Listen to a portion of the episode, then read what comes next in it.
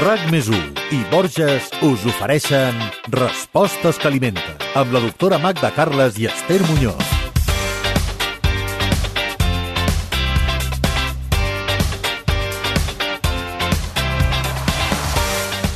Per fi es comença a donar a la salut mental la importància que realment té, és un bon moment per veure com la dieta pot influir-hi. És obvi que no hi ha fórmules màgiques, però els estudis ens indiquen que menjar bé ajuda a sentir-nos millor. Quina seria la dieta dient per cuidar la salut mental i aliments que poden ajudar a pujar l'estat d'ànim? És cert que la serotonina és bàsica en aquesta qüestió? Aquestes preguntes i d'altres es tractaran en aquest podcast, el número 77, i segurament faran que tingueu un motiu més per menjar millor.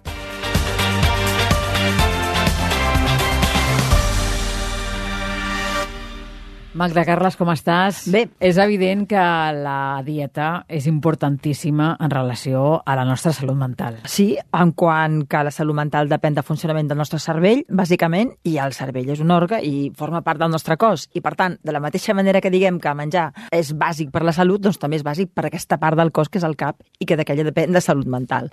Uh, de fet, jo penso que sempre ha sigut així. El que passa és que ara ens comencem a donar compte que no hi ha salut sense salut mental. Exacte, sí, sí, de fet és el que sempre diem en aquest podcast, que la nutrició és la benzina també del nostre cervell. Sí, no, i, i que tu no hi ha salut, sinó, és a dir, mm, pot ser que no tinguis cap malaltia, però, i, i fins i tot pot ser que no tinguis cap malaltia mental instaurada, però t'has de sentir bé, perquè de fet la definició de salut mental no és només que no hi hagi una malaltia mental. Què Això és? és obvi. Què és, Magda? És que tu et sentis bé amb equilibri amb la teva vida, amb els demés, amb el que fas, que puguis fer la teva quotidianitat, que puguis controlar les teves emocions, és a dir, que puguis tenir un comportament dintre el que és la normalitat, no? Que tu puguis desenvolupar amb una certa normalitat tant amb tu mateix com els més pròxims com amb la societat. És això salut mental. No és només que no hi hagi una esquizofrènia, que no hi hagi una depressió, entens? Hi ha gent que no té cap, a lo millor no té cap malaltia mental clàssica, Greu, greu. però que no es troba mai bé, o que no està mai content, o que està sempre ansiós, o que està sempre accelerat. Vull dir, salut mental vol dir això, un cert equilibri. Jo diria que és equilibri, control i benestar. Per tant, per reflexionem, no? no? Clar. Si tenim algun d'aquests problemes, estem menjant bé? Clar, exacte, exacte. A veure, dir que la salut mental uh, depèn només del, del, del menjar... No, no això, això seria, no. això seria absurd, no? Perquè la salut mental depèn de moltes coses. Però és un factor a tenir en És un compte. factor a tenir en compte, però clar, hi ha la genètica, hi ha la pròpia constitució, eh, el que has viscut de petit, o sigui, la teva història, el teu entorn, eh, la feina que fas, eh, si dorms bé o no dorms bé, eh, si prens medicaments o no. Depèn de moltes coses la teva salut mental, de l'edat que tinguis, de, de amb qui estàs en aquell moment, no? Moltes coses, moltes coses a nivell socioeconòmic, però és veritat que la dieta és un factor important. Mhm. La dieta, a més a més, des de que naixem. Sí, fin- hi ha estudis que demostren que ja, ja el que pren la mare, quan tu estàs, en, diguéssim, en plan, dintre l'úter, ja t'influirà de gran en la, en la teva salut mental. Et condicionarà. Clar, mares que han menjat malament o que han passat gana, etc etc, aquell nano té moltes més probabilitats de tenir problemes de salut mental. Problemes de salut mental que recordem ho van des de dèficits cognitius fins a problemes de personalitat, eh, que són molt amplis, eh? però la cosa no funcionarà. Mhm. I escolta'm, tot està eh, en funció dels neurotransmissors? No, aquest seria un factor. Els neurotransmissors, recordem que són aquestes substàncies que segreguen les neurones i que estan mm, relacionades amb moltes funcions fisiològiques, evidentment funcions mentals, no? però també de, de la resta del cos. Però hi ha més factors que això, eh? hi ha més factors. També depèn de l'estat del cervell. Si està ben irrigat aquest cervell, si està ben nodrit, per exemple, no? Depèn de moltes coses. És a dir, el cap, el cervell, està connectat amb la resta del cos. Per tant, no és només un tema de, de neurotransmissors, és un tema de salut total, també. Saps què vull dir? A O sigui, nivell global. És un nivell exacte, de nivell global. I de tu aquest cos com el cuidis, de com et relacionis, i de què és el que et passi a la vida. Per tant, sí que és neurotransmissors, però és molt més que neurotransmissors. Eh? Magda, um, quin és el paper que té exactament la serotonina en tot això que estem parlant ara mateix? Ah, Això és molt famós perquè s'ha dit, i és veritat, la serotonina és un neurotransmissor que se segrega al cervell i també a l'intestí. De fet, la major part és a l'intestí. D'aquí diem d'allò del cervell intestinal i aquestes coses, no? Que és veritat, eh? I a més que està molt relacionat, molt lligat al cervell amb l'intestí. Aquest neurotransmissor té moltes funcions, moltes. Des de, des de la digestió eh, fins a la síntesi d'altres neurotransmissors, fins l'estat d'ànim, molt important, fins la qualitat de la son, val? fins al desig sexual, entre altres coses, eh, la salut del sistema cardiovascular, vaja, està lligat amb moltes coses, la serotonina. Però és un clàssic, està molt estudiat, s'ha relacionat el dèficit de serotonina amb estat depressius, tot i que, tot i que, ara hi ha molts estudis que demostren que potser no és tant la serotonina, sinó que hi ha altres coses, no? Però la psiquiatria clàssica, i de fet, molts, anti, molts antidepressius, que són eh, inhibidors de la recaptació de serotonina. Què vol dir? Són fàrmacs que fan que hi hagi més serotonina en el nostre cap. Mm. I com podem obtenir serotonina, Magda, en el nostre dia a dia a través de la dieta, a través de la nostra doncs mira, nutrició? Uh, menjant bé. La veritat és que la serotonina és un factor, però jo començaria per factors més globals de la dieta. Jo començaria parlant de l'energia, de l'energia de la dieta. Um, ja, ja anirem a la serotonina, però jo quasi que començaria per coses més bàsiques, com és l'energia. Tots sabem, quan fem dieta i són dietes massa restrictives, què és el que diu la gent? Estic desanimat, estic de mal humor... Estic fluix. Estic fluix, estic bleda, normal. Perquè el primer que tenim que mirar per cuidar la nostra salut mental és que prenguem una dieta amb l'energia suficient. Per això sempre diem aquí, i aquí ho hem dit mil vegades, Esther, cuidado amb les dietes massa restrictives, perquè, d'entre d'altres coses, entre d'altres coses, faran que el teu estat d'ànim baixi. Per tant, mira, el primer, el segon, la dieta té que tenir els nutrients bàsics. Té que tenir suficients carbohidrats, suficients proteïnes i suficients greixos, més minerals, més vitamines, etc etc etc. Per què? Per molts motius. Mira, primera perquè hi ha una cosa que també és important per, per la nostra salut mental. Ja sabem que la, la, les cèl·lules es nodreixen d'oxigen i, de, i de glucosa, especialment la del cervell. Per tant, una dieta amb que, per exemple, per exemple eh, eh, fa que el, la, la dosi de glucosa sigui molt baixa, això són molt les dietes cetogèniques, doncs farà que el nostre estat d'ànim sigui una mica més baix. A veure, el cos té mecanismes, té mecanismes perquè aquesta glucosa s'obtingui dels greixos. Amb això es basa en moltes dietes que tenen els carbohidrats, però el nostre estat d'ànim serà una mica més baix. Per tant, o què, què passa quan jo estic molt, molta estona sense menjar? Que estic hores i hores sense menjar. Estic de bon humor o estic de mal humor? De mal humor. Eh, oi que influeix? Sí, Això ho hem tant, notat sí, sí. tots.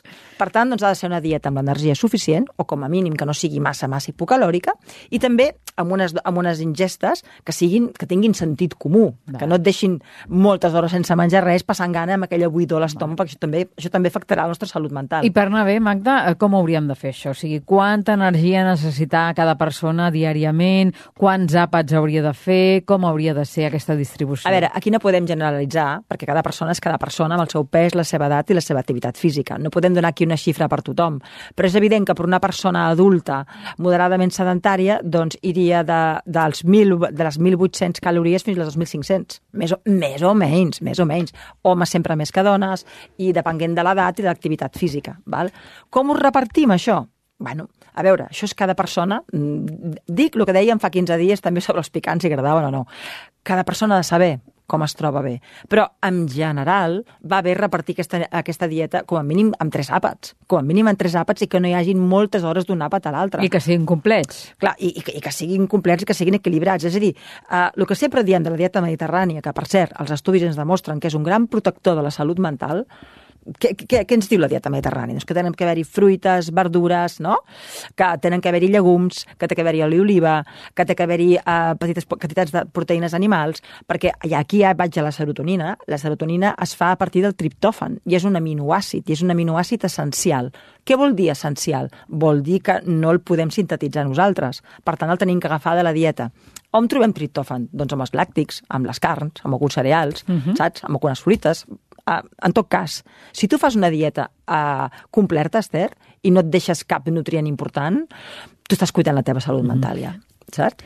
La nostra dieta, eh, Magda, està formada doncs, per aliments que són naturals, eh, després tenim els processats, els ultraprocessats. Eh, tot això també té a veure amb aquesta cura de la salut mental que tinguem, Sí, no? mira, això és obvi. Els aliments, com més naturals, millor. I hi ha una cosa que també sabem. Les dosis excessives de sucre ràpids eh, doncs fan que les persones tinguin més problemes de salut mental. Entre altres coses, que hi hagi més hiperactivitat i que hi hagi més agressivitat. És lògic, perquè quan tu poses molt de sucre, fas una descàrrega d'insulina molt, molt important que després farà una hipoglicèmia posterior. Val? I això es veu que dona més agressivitat i més hiperactivitat. Això està estudiat eh, en psiquiatria, o sigui que, per tant, evitar molts sucres ràpids, que per altra part està a les normes bàsiques d'una dieta equilibrada. Per tant, evitar mm, els ultraprocessats, vaja. Uh, molt de sucre uh, i molts que siguin molt, molt, molt manufacturats, molt processats i que l'alimentació sigui molt natural. Evidentment, hi ha tòxics clars pel cervell com és l'alcohol. Aquí sí, aquí sí que ja parlem d'un tòxic mm, directe, que és l'alcohol, l'etanol. Clar, l'alcohol passa la barrera hematoencefàlica i ens, i ens afecta el cervell. Per això, les persones que són alcohòliques o que tenen una dependència alcohòlica tenen tants problemes de salut mental. No és cap casualitat, perquè afecta molt la neurona. Eh? Uh -huh. O sigui que, a veure, un quan veu, què és el que nota? Què és el primer que se li afecta? Veus, mm, comences a tenir inestabilitat, comences a veure doble, comences a parlar més del compte, a fi de cap són efectes neurològics si anem a parlar. Per què? Perquè l'alcohol va directe al cervell. Per tant, atenció a l'alcohol, sucre, alcohol, ultraprocessats i portar una dieta equilibrada. Eh, això seria, dintre el món dietètic, bàsic per cuidar la salut mental. Mm. No vol dir que fent això no tinguis cap problema de salut mental, eh? perquè ja hem dit que depèn de moltes coses. Anem amb la xocolata, per exemple. Ah. Què provoca la xocolata en tot plegat? Clar, això m'ho dius perquè jo acabo de dir que no prenguem massa sucre i la xocolata de sucre. Però clar, entenc, la, xocolata, entenc, la, la xocolata li farem una excepció perquè té substàncies com la feniletilamina, té magnesi, té calci, una xocolata de qualitat, eh? I que tingui molt cacau, que són tan favorables a l'estat d'ànim i són tan eh, psicoestimulants que encara que tingui sucre, jo crec que amb la xocolata en petites dosis podem fer una excepció perquè realment els efectes, diguéssim, positius de la xocolata són evidents. Sempre en dosis molt discretes. Mm -hmm, si és de qualitat en podríem prendre cada dia. Perfectament, perfectament. Ara, no pots prendre una, una rajola de xocolata cada no. dia, eh? això és obvi. Però els teus 20 grams, tranquil·lament, 25 tranquil·lament. Eh? Uh -huh. Nutrients essencials eh, per tenir una dieta que tingui cura de la nostra salut mental, no? Doncs mira, serien? són importants. El que hem dit, que sigui equilibrada en quant a grans macronutrients, a greixos, però també que tingui una dosi important de ferro, la necessària, perquè ja sabem que la manca de ferro, entre altres coses, afecta la salut mental en forma de desànim, en forma de depressió. Eh? Eh, també que tingui les, les dosis, diguéssim, d'omega-3 necessàries. Està molt relacionat amb la salut mental l'omega-3, aquesta sí gràs, diguéssim, essencial, prenent peix blau, que el peix blau ja ho dit moltes vegades, eh, és una meravella per moltes coses, però també per la salut mental. Recordem que l'omega-3 està sobretot en el peix blau i també en alguns fruits secs com les nous però no és un nutrient que trobis a cada pas, eh? Per tant, el del peix blau és, és interessant. Uh mhm. -huh. Això ho hem dit moltes vegades, no?, el del, de l'omega-3. Té molts efectes, a beneficis a nivell cardiovascular, però també a nivell de salut mental. Uh mhm. -huh. val? Ens eh, parlaves abans dels casos de persones, això, no?, que, que se senten desanimades, sobretot eh, tenint en compte això, no?, que em, la seva dieta mm, no és la que hauria de ser, no?, i que moltes vegades, doncs, això ve provocat perquè hem iniciat, doncs, un període en el qual el nostre objectiu és perdre pes. Sí. Aleshores, Magda, eh, com hauríem de fer per anar bé, no? Quan volem perdre pes i, i, i no volem que la nostra salut mental se'n ressenteixi, Quina seria la via? Quina Mira, seria la manera? Aquesta és una fa pregunta fantàstica, perquè el primer que tenim que fer, saps què és, Esther? El primer que tenim que fer és no voler perdre pes si estem desanimats. Això començant per aquí. Eh? No és un, quan tu estàs molt desanimat, o estàs que dius no sé si necessito un psicòleg, o estàs que... No és un bon moment per perdre pes. Potser serà millor que comencis per fer exercici, que també un efecte bo tindrà sobre el pes. I quan tu ja et sentis una mica més animat, doncs després comença a perdre pes. En qualsevol cas, si volem cuidar la salut mental, perdem pes, una cosa és imprescindible, perdre pes poc a poc Clar, tu em pots dir, oh, però em desanimaré, encara em desanimaré més. No, però és que ha de ser un ritme de pèrdua lent que t'incentivi, que t'incentivi lo suficient, però que no et desanimi. I per tant això vol dir que la nostra dieta serà una mica més hipocalòrica, però que no passarem gana, ni estarem de mal humor, ni, ni, ni seran aquestes coses tan dràstiques que fan fer coses rares, no?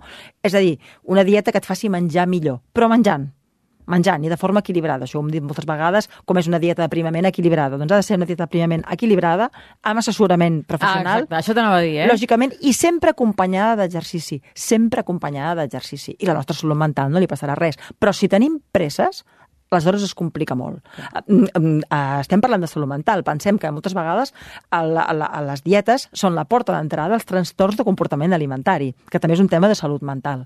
Molts trastorns de comportament alimentari, tant el que és la, la, la ingesta compulsiva de nit, com les anorèxies, com les bulímies, comencen fent una dieta. S'ha d'anar molt al tanto amb això, i no només amb gent de 14 anys eh, o de 15, també amb persones més grans. Per tant, atenció perquè la, la, els aliments condicionaran la nostra salut mental de moltes maneres vegades, eh? I al final la clau també és una miqueta aquesta que tu comentaves, no? que molts cops l'error està en què fem les coses sols i, i, i no demanem ajut a professionals, Exacte. que és el que hauríem de fer. De totes maneres, mira, l'OMS diu que de cada quatre persones, una eh, patirà un problema greu de salut mental. Eh, doncs, si això és tan freqüent i ho estem veient cada dia i n'estem parlant cada dia, eh, realment seria important repassar la dieta ja només per aquest tema. Perquè no és que menjant bé sigui la garantia 100% de que no tindràs un problema de salut mental, però sí que és la garantia que almenys no el tindràs perquè menges malament, que això ja és molt. I sí que és veritat també que t'ajudarà a estar una mica millor. El que és obvi és que quan mengem bé ens sentim molt millor. I jo penso que ja és una causa de pes, no?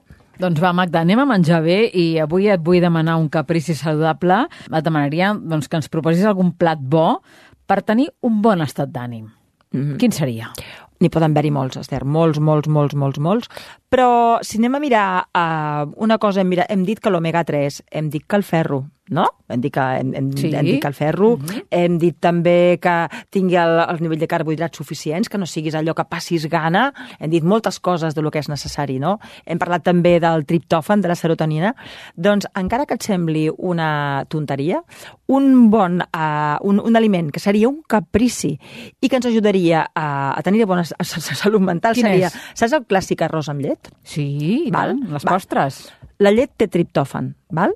En aquest cas hi posaríem els mínims de sucre. Els mínims, mínims, mínims, mínims. Però hi posaríem molt poc sucre i en canvi sí que hi posaríem unes nous picades perquè allò tingués més, més, més sabor. Uh -huh. D'acord? Per tant, tu fes la llet, arròs amb llet tradicionals de sempre i poses unes nous picades i poses la meitat de, la meitat de, de, de, del que seria de sucre, uh Mhm. -huh. val? i poses també, com, com per donar més gust, canyella. Doncs aquest seria un caprici molt assequible, molt senzill, que tindria la seva funció en el que és la salut mental. Primera, perquè és un plaer, ens agrada. Segona, perquè és un carbohidrat d'absorció lenta, perquè té llet que té triptòfan, val? i perquè hi ha les nous que porten omega-3. I, i quinta i la més bona, que és molt barat i molt fàcil. Sí, sí, una, una proposta trobo que molt completa. Però et diré una cosa, ha de ser poca quantitat. Uh -huh. Ha de ser poca quantitat. Mira, Esther, allò que deien les àvies del vas de llet de, per la nit, creus que és una tonteria? No, no, no, no. té, eh, jo té, crec molt en aquestes té el dites seu, de les àvies. té, el seu, té la seva gràcia. La teva És explicació, perquè ens dona, no, el calci, el triptòfan que dona ens dona, ens dona una certa tranquil·litat. No és l'únic aliment, però com que és fàcil de prendre, doncs està bé. Uh Mhm. -huh. Val? Doncs va, prenem nota. Respostes que alimenten. Amb la doctora Magda Carles i Esther Muñoz.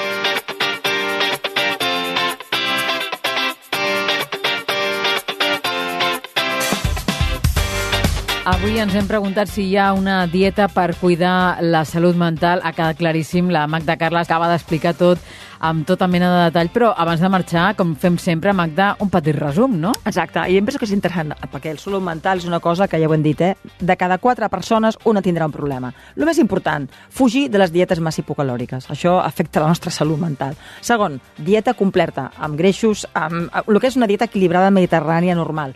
Tinguent en compte les dosis de ferro, per tant, que hi hagi la dosis d'aliments rics en ferros, com són els llegums i les proteïnes animals, amb la seva mínima dosi.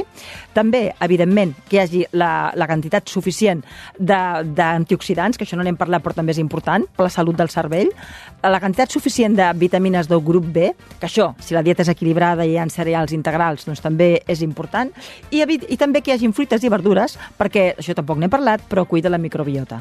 Per tant, en resum, jo diria que és una dieta equilibrada, tipus mediterrani, posant èmfasi en una energia adient, amb aliments que portin triptòfan, amb l'omega-3 i amb el ferro i la vitamina B. Aquests serien els cinc, els cinc pals de, de, de paller d'aquest tema. Eh? Aquesta és l'equació que hem de fer si volem tenir també i volem contribuir a una bona salut mental.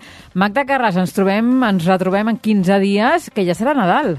Què dius? Som a les portes de Nadal ja. eh? Oi, és que passa tan ràpid tot. Per tant, buscarem un tema dient, no?, a les dates. El Nadal, que per cert hi ha gent que no, li, no se li col·loca gens, gens bé. Moltíssima gent, No li agrada cop gens, més no li gent, agrada gens. gent. Doncs Va, buscarem un tema que sigui adient a aquestes dates. Va molt perfecte, bé. va semblar perfecte. Adéu. Adéu-siau. RAC més 1 i Borges us han ofert Respostes que alimenten amb la doctora Magda Carles i Esther Muñoz.